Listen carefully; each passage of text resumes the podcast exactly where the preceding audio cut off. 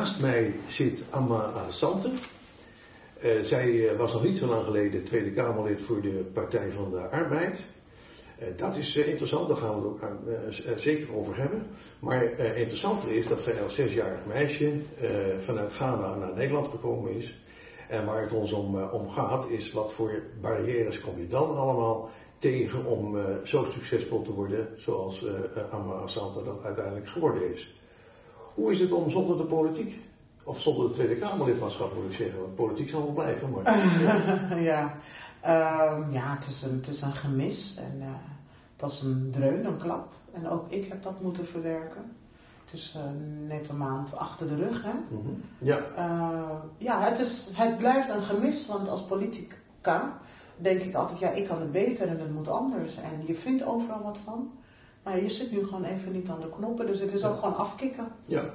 Is het ook afkicken vanwege de hoeveelheid werk als Kamerlid? Ja, dat is natuurlijk wel verschrikkelijk. Uh, je wordt ja, enorm. 24 uur baan. Hè? Ja, ja, het is een baan zonder uh, werktijden. Ja. Uh, je begint natuurlijk wel s morgens vroeg, om half zeven begon ik dan altijd. Met het lezen half zeven al? Ja, met het lezen van de krant. Ja. Op je telefoon. Dan weet je al wat er speelt. Want je moet paraat staan voor het geval je weer ergens iets van moet vinden. Nou, en dan uh, bracht ik de kinderen naar school en dan reed ik uh, naar Den Haag. Of ik pakte de trein naar Den Haag. En dan had je een vergadering of een commissievergadering. Of vergadering met je fractie. Uh, en dat ging door. En de ene keer had je geluk en dan kon je om 8 uur naar huis.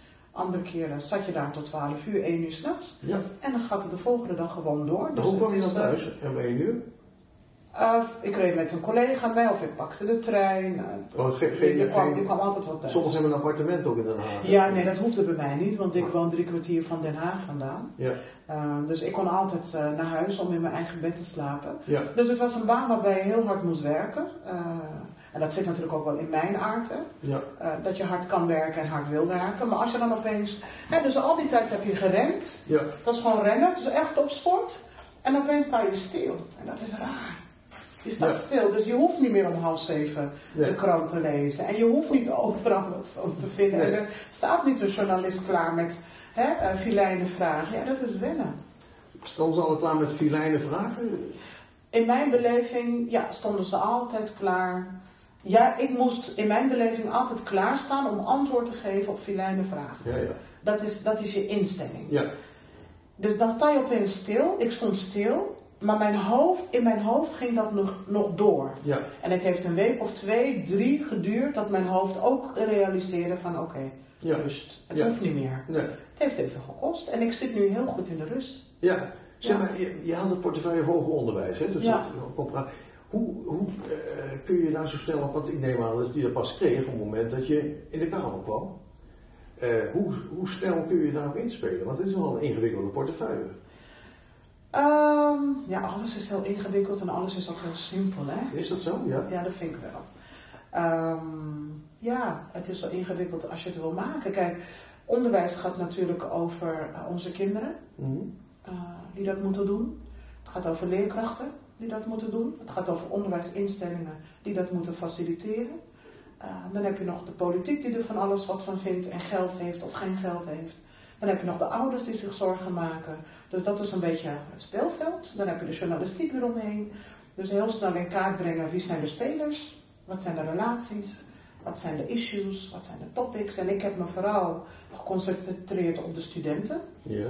wat vinden de studenten, wat ervaren de studenten, wat moet anders.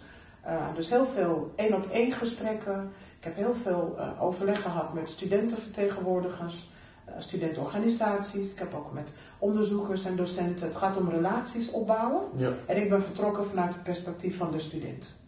Is dat je eigen, en dan is het heel simpel. Is het je eigen perspectief? Wat je uh, zelf doorleefd hebt als, als soms, student? Maar ook, soms ook niet. Ook vaak niet, maar soms wel. Nee. Uh, wat bijvoorbeeld heel erg overeenkwam met mijn eigen persoonlijke ervaring... is dat je vanuit een bepaalde. Ja. Uh, nou ja, de hbo's en de universiteiten bestormt... En dat is een positie van waaruit mensen niet zoveel van je verwachten. Ja. Uh, mensen ook vaak denken dat je het niet kan. En dat kwam ik ook heel vaak tegen, met name bij de eerste generatie studenten. Mm -hmm. dus uh, studenten van, uh, nou ja, kinderen van arbeiders, die dus voor het eerst in een gezin of familie ja. het hoger onderwijs gingen volgen. Het rolmodel worden. Het rolmodel worden. Ja. Ook, ook wel tegenwoordig gezegd van, nou joh, doe eens normaal en jij met je universiteit, hè? Ja, op verjaardagsfeesten. Maar ook heel vaak studenten met een niet-westerse achtergrond. Um, en die verhalen kwamen wel heel vaak overeen. Is er een duidelijke barrière geweest, die, die overgang van het middelbaar onderwijs naar de universiteit? Want ik, ik, ik begreep uit jouw verhaal dat het toch wel een hele vreemde situatie, vervreemdende situatie is. Um, ik moet eerlijk zeggen, mijn overstap van de middelbare school naar de universiteit was niet zo groot. Mm -hmm. Omdat ik was heel eigenwijs en... Uh, ja, dat is een goede eigenschap. Toch? ik ja. zat uh, op een gewone middelbare school totdat uh, ja, zij vonden dat, dat ik moest blijven zitten. En daar was ik het natuurlijk niet mee eens. Ik wilde niet blijven zitten. Ik vond, niet, ik vond dat de leraar mij ten onrechte een bepaald cijfer had gegeven. En ik was op een gegeven moment bijna 18. En toen kwam ik erachter dat ik mijn VWO-diploma in twee jaar kon halen op uh, volwassen onderwijs. Nou, en dat was voor mij gewoon... Dat heb je gedaan? Dat heb ik. Ik heb mijn diploma op het volwassen onderwijs gehaald. Omdat ik dat klassikale uh, manier van lesgeven, dat paste niet bij mij. Daar kwam ik dus heel laat achter. Ja. Ik, ik, heb, ik ben iemand die vrijheid nodig heeft en eigen verantwoordelijkheid moet kunnen dragen voor wat ik doe. En ik, ik, ja, ik, ik werk niet lekker bij een leerkracht uh, die mij het gevoel geeft dat ik het voor hem doe. Ja. En op het volwassen onderwijs werd je gewoon losgelaten. Je kreeg je boeken, je kreeg een rooster. Er was een docent die stond op bepaalde tijden voor de klas iets uit te leggen. Of je nou kwam of niet, dat zal hem een bied wezen. En het was van, uh, ja, dan en dan heb je examen, dan moet je het halen. Nou, ik vond het heerlijk. Ja. En uh, dat werkte dus ook door op de universiteit. Dus ik vond het heerlijk dat ik dat kon oefenen in het volwassen onderwijs. Dus ik, nou ja, de universiteit was echt fluitend, ging ik er doorheen. Maar die middelbare school dus niet? Dat, dat is ja. wat je hoort nu ja, ook bij het de klassikale onderwijs en, en, en met z'n allen hetzelfde doen, hetzelfde tempo. Maar dat ook hele paternalistische manier van werken. Waardoor ik dus niet voelde dat ik het voor mezelf deed. Ik voelde alsof ik het voor mijn docenten deed. Ja. Alsof ik het voor mijn ouders deed. Terwijl op het volwassen onderwijs ben je zo losgelaten. Dat ik ging voelen van, oh wacht even, Ja. ik moet het doen.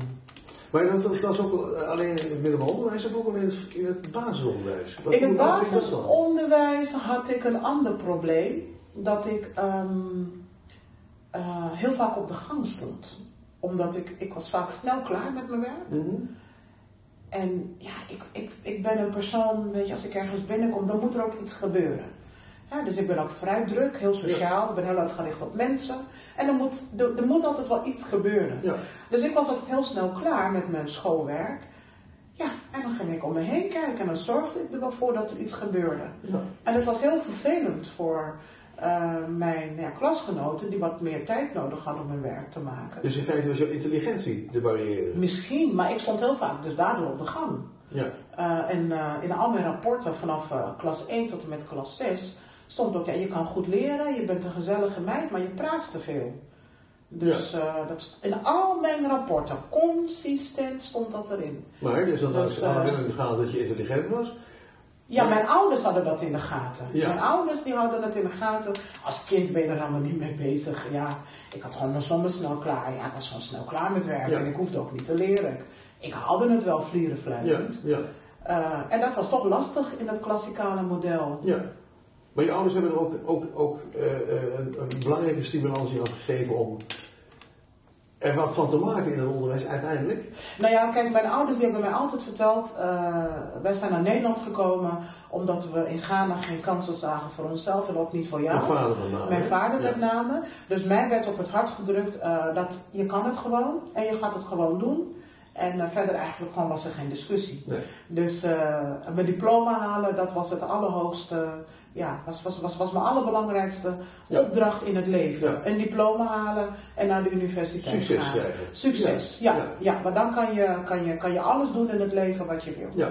Dat was eigenlijk eh, Dus de recept. ambitie, eh, dat is in Dat kwam vanuit huis, ja. Als kind was ik daar niet zo mee bezig. Nee, Nee, het, wa- het, wa- het waren mijn ouders die eh, mij dat op het hart drukten. ja. Dat ik het kon en dat alle kansen hier voor, voor, voor, voor handen lagen.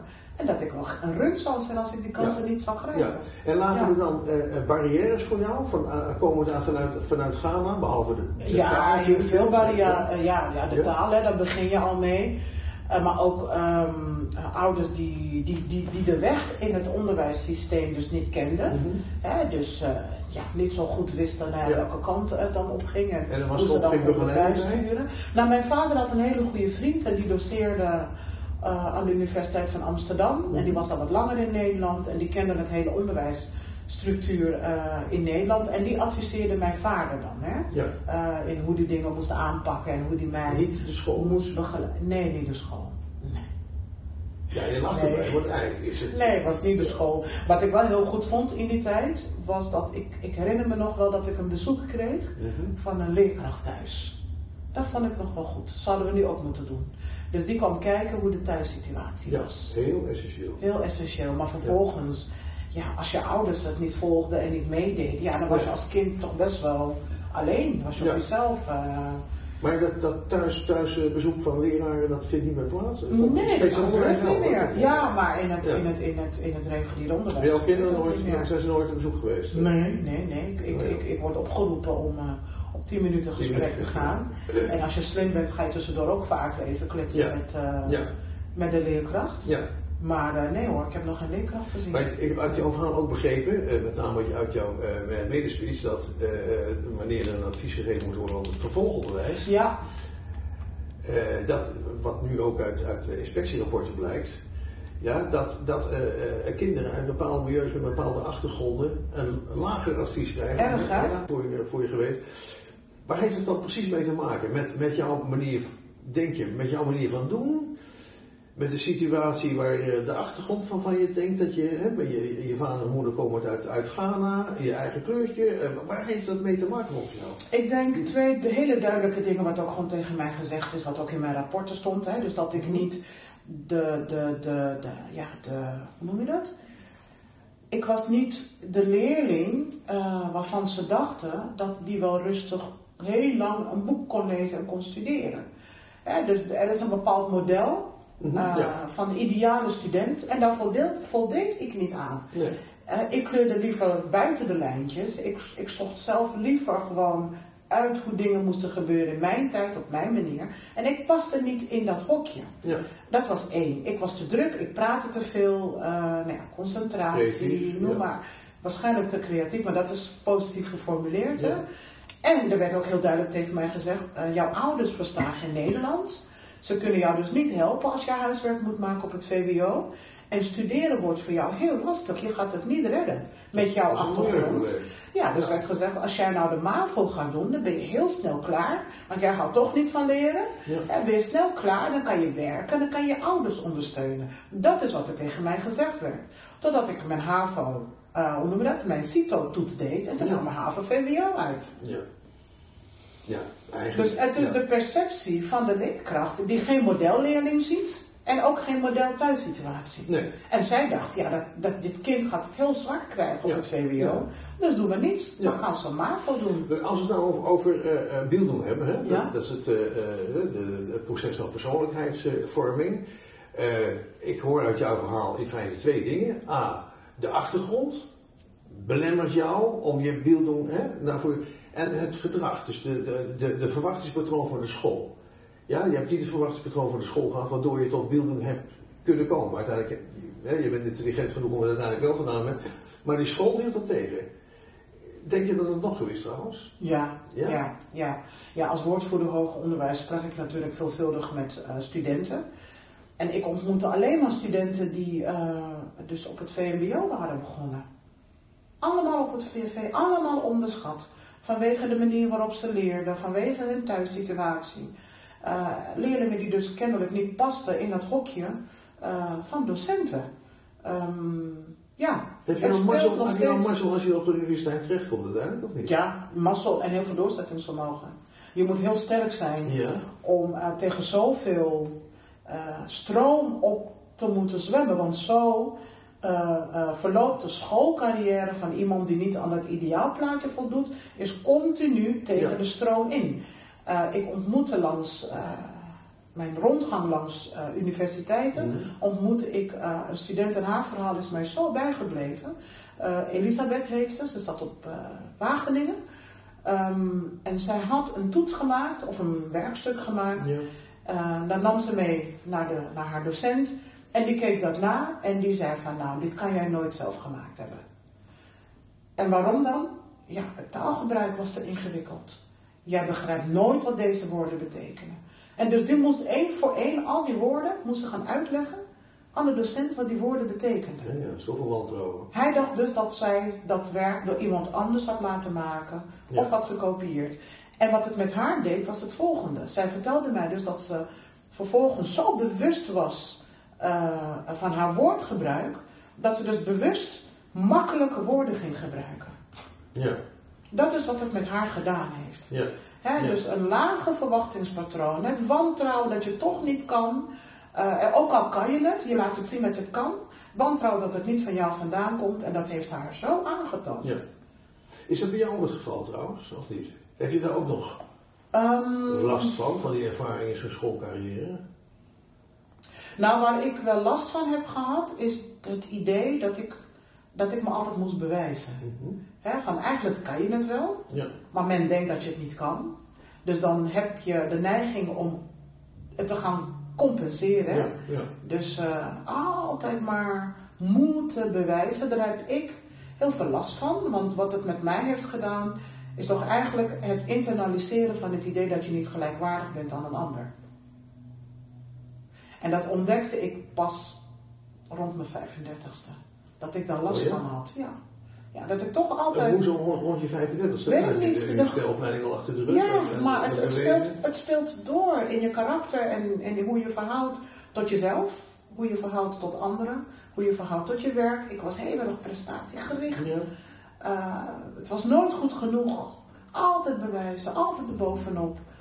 Um, Maar je had ook enorm veel succeservaringen. Ja, ook. Desondanks. Ook, maar in mijn persoonlijkheid, ik werkte toch vanuit uh, uh, het idee dat, dat, dat ik niet goed genoeg was in de Mhm, ogen ja. van een ander.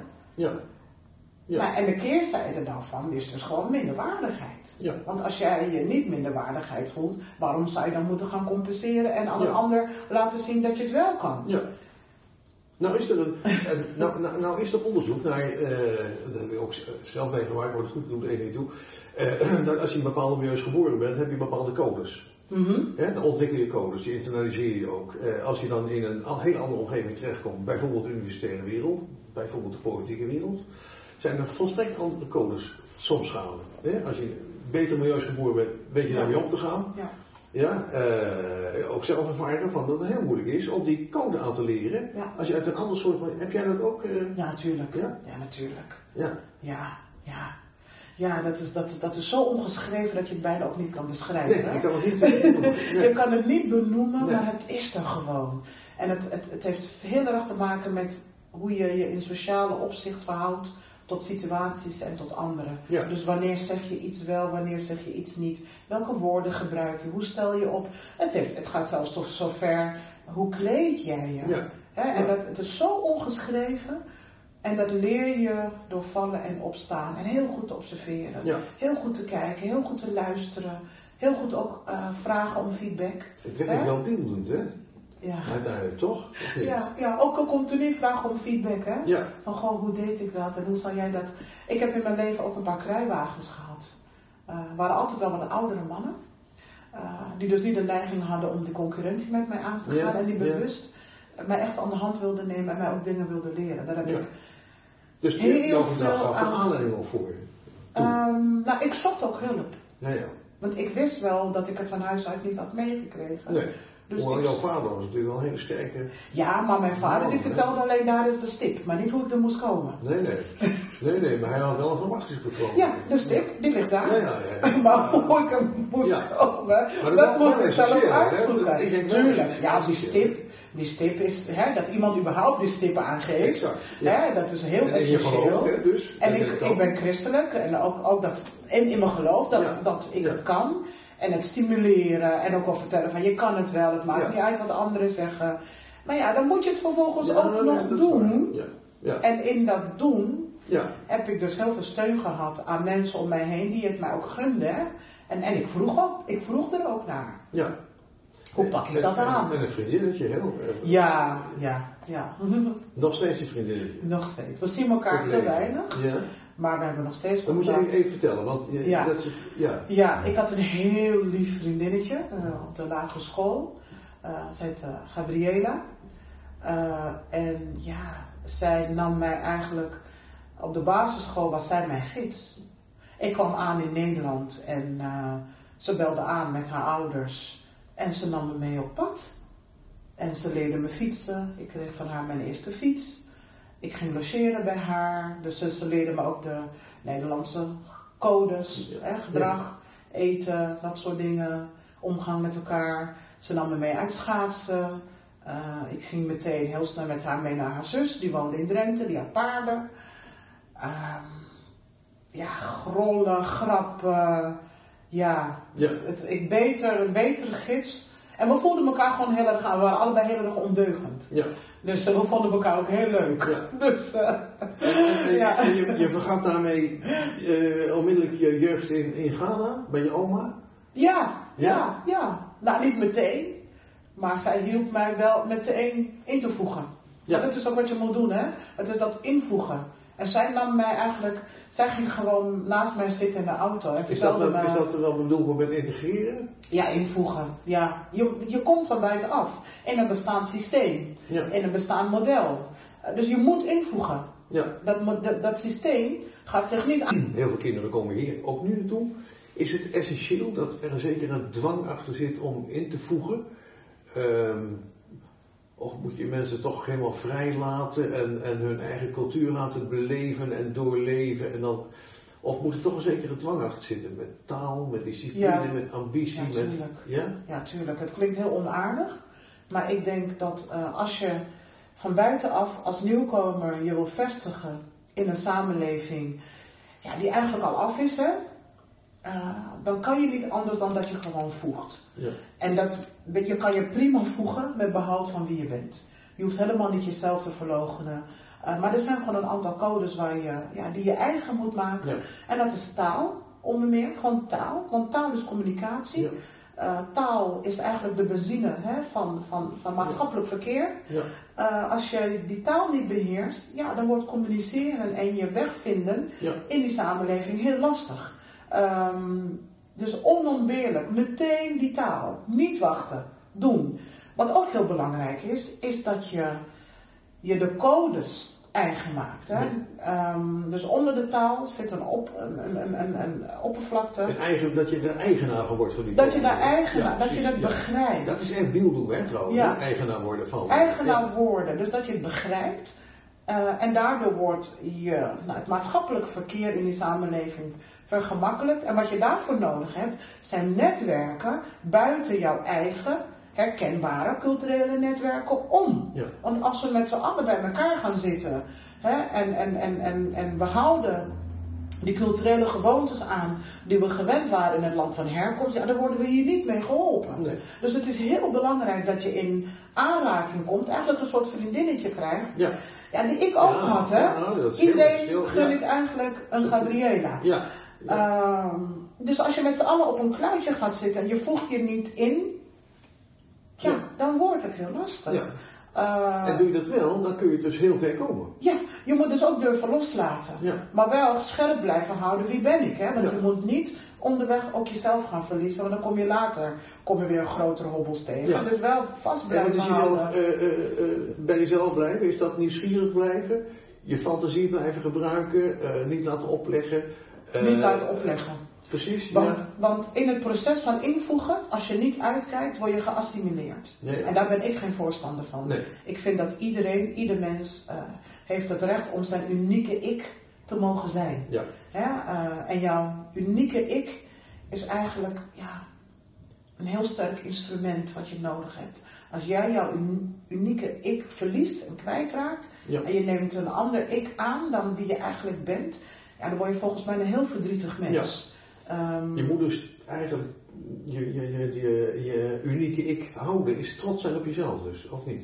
weten wie je bent en daar trots op zijn. Wie ben ik? Ja, En daar dan moet je er trots op zijn. dan. Ja, ook, ja, natuurlijk. Ja, natuurlijk. Maar ik vind trots dan weer ehm, gewoon de kennis van wie je bent. Hè? Ja. Dus bewust zijn van, oké, waarom vind ik iets? Eh, waarom vind ik iets niet? Eh, dat bewustzijn. ja, Dus het vertrekken, want beelddoen is eigenlijk vertrekken vanuit je ik. En van daaruit kunnen verhouden met je omgeving en, En met anderen. blijven. En zelf, dus als je die, die Ja. ik niet kent, of Ja. ergens in een kast hebt Ja. gestopt, kan je dus ook niet verhouden tot anderen. Nee. Dan krijg je hele ongezonde relaties. En dat is die spanning, hè, van, het is zo grappig, want Ghanese eh, in mijn netwerk, in mijn omgeving, met name Ja. mijn vaders generatie, eh, die noemen mij de Dutch woman. Die vinden mij totaal geassimileerd. Ja. Terwijl ik vind, Geassimileerd. Ja, ik vind helemaal niet dat ik geassimileerd ben.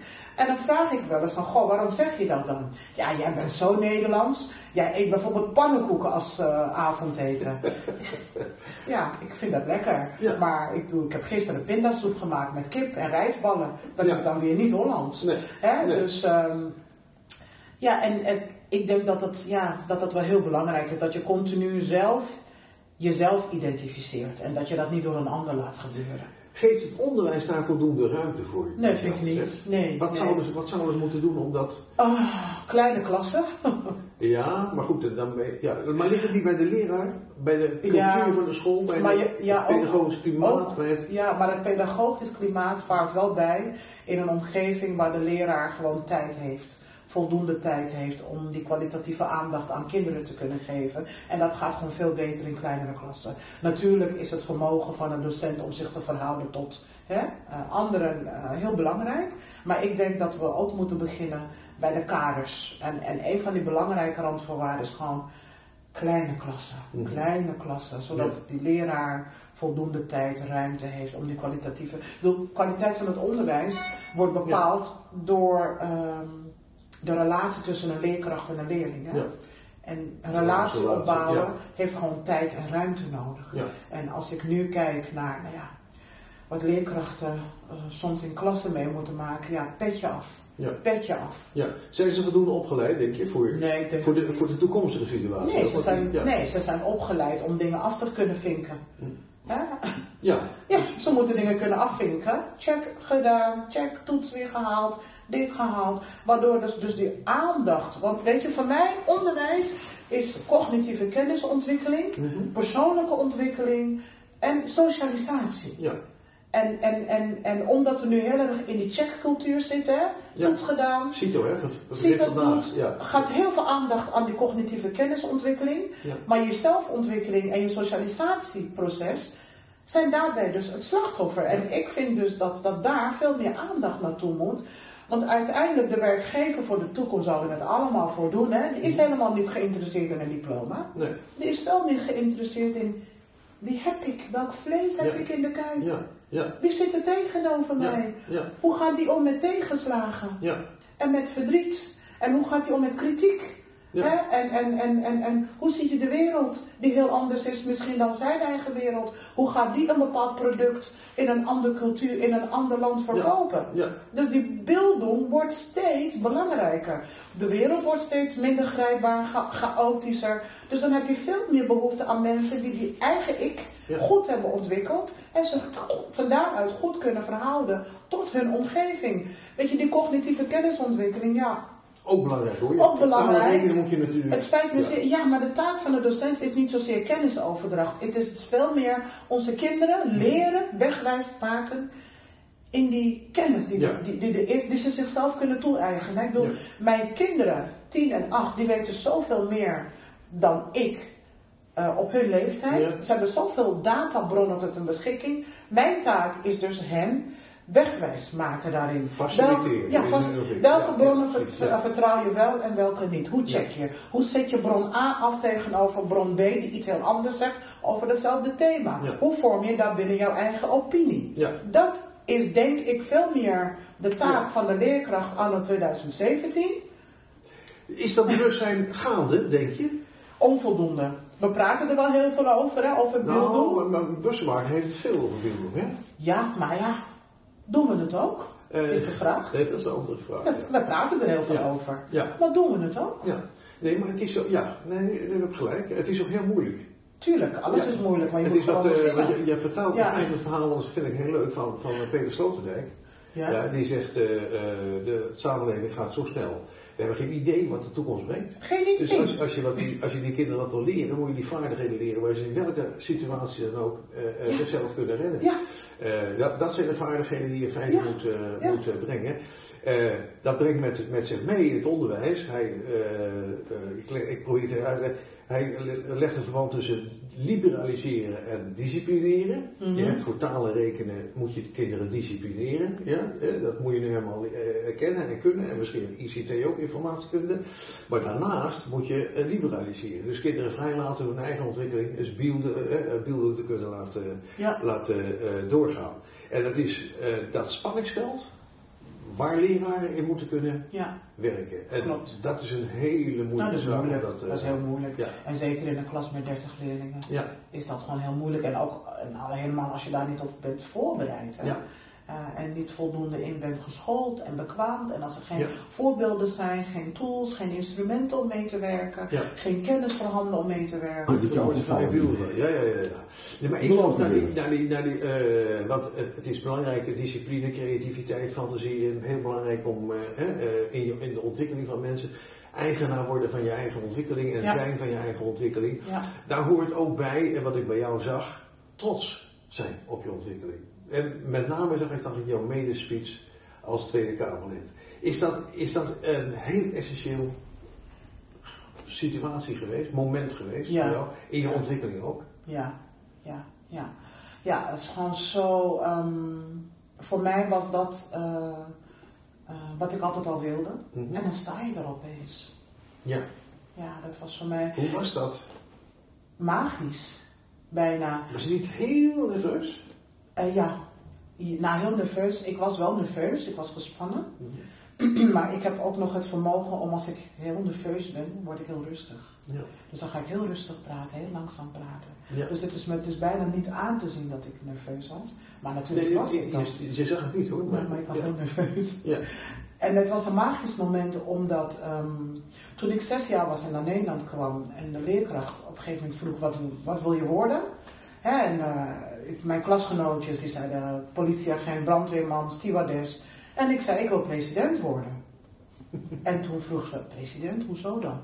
Ik zeg nou ja, ik, eh, ik ben naar Nederland gekomen om te leren, om te studeren. Ja.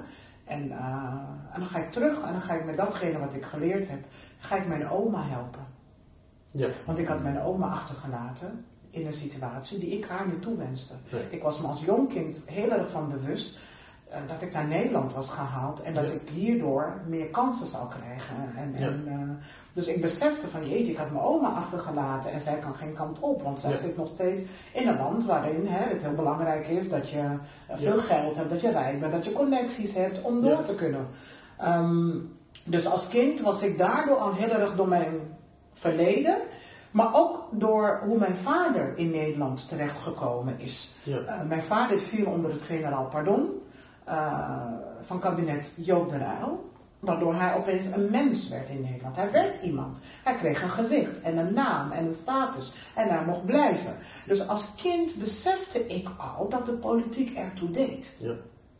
Ja. En ik had het meegemaakt hè, in mijn persoonlijke leven. Als, mij, als Joop den Uyl met zijn kabinet niet had gezegd eh, dat er een generaal pardon moest komen, was ik nooit naar Nederland gehaald. Ja. Dus politiek stond bij mij, nou ja, als kind van zes wist ik gewoon wat politiek betekende. Precies. Je de gaat essentie. de essentie van politiek Ja. eh, is dat je dingen doet voor andere mensen zodat ze er beter van worden. Exact. Ja.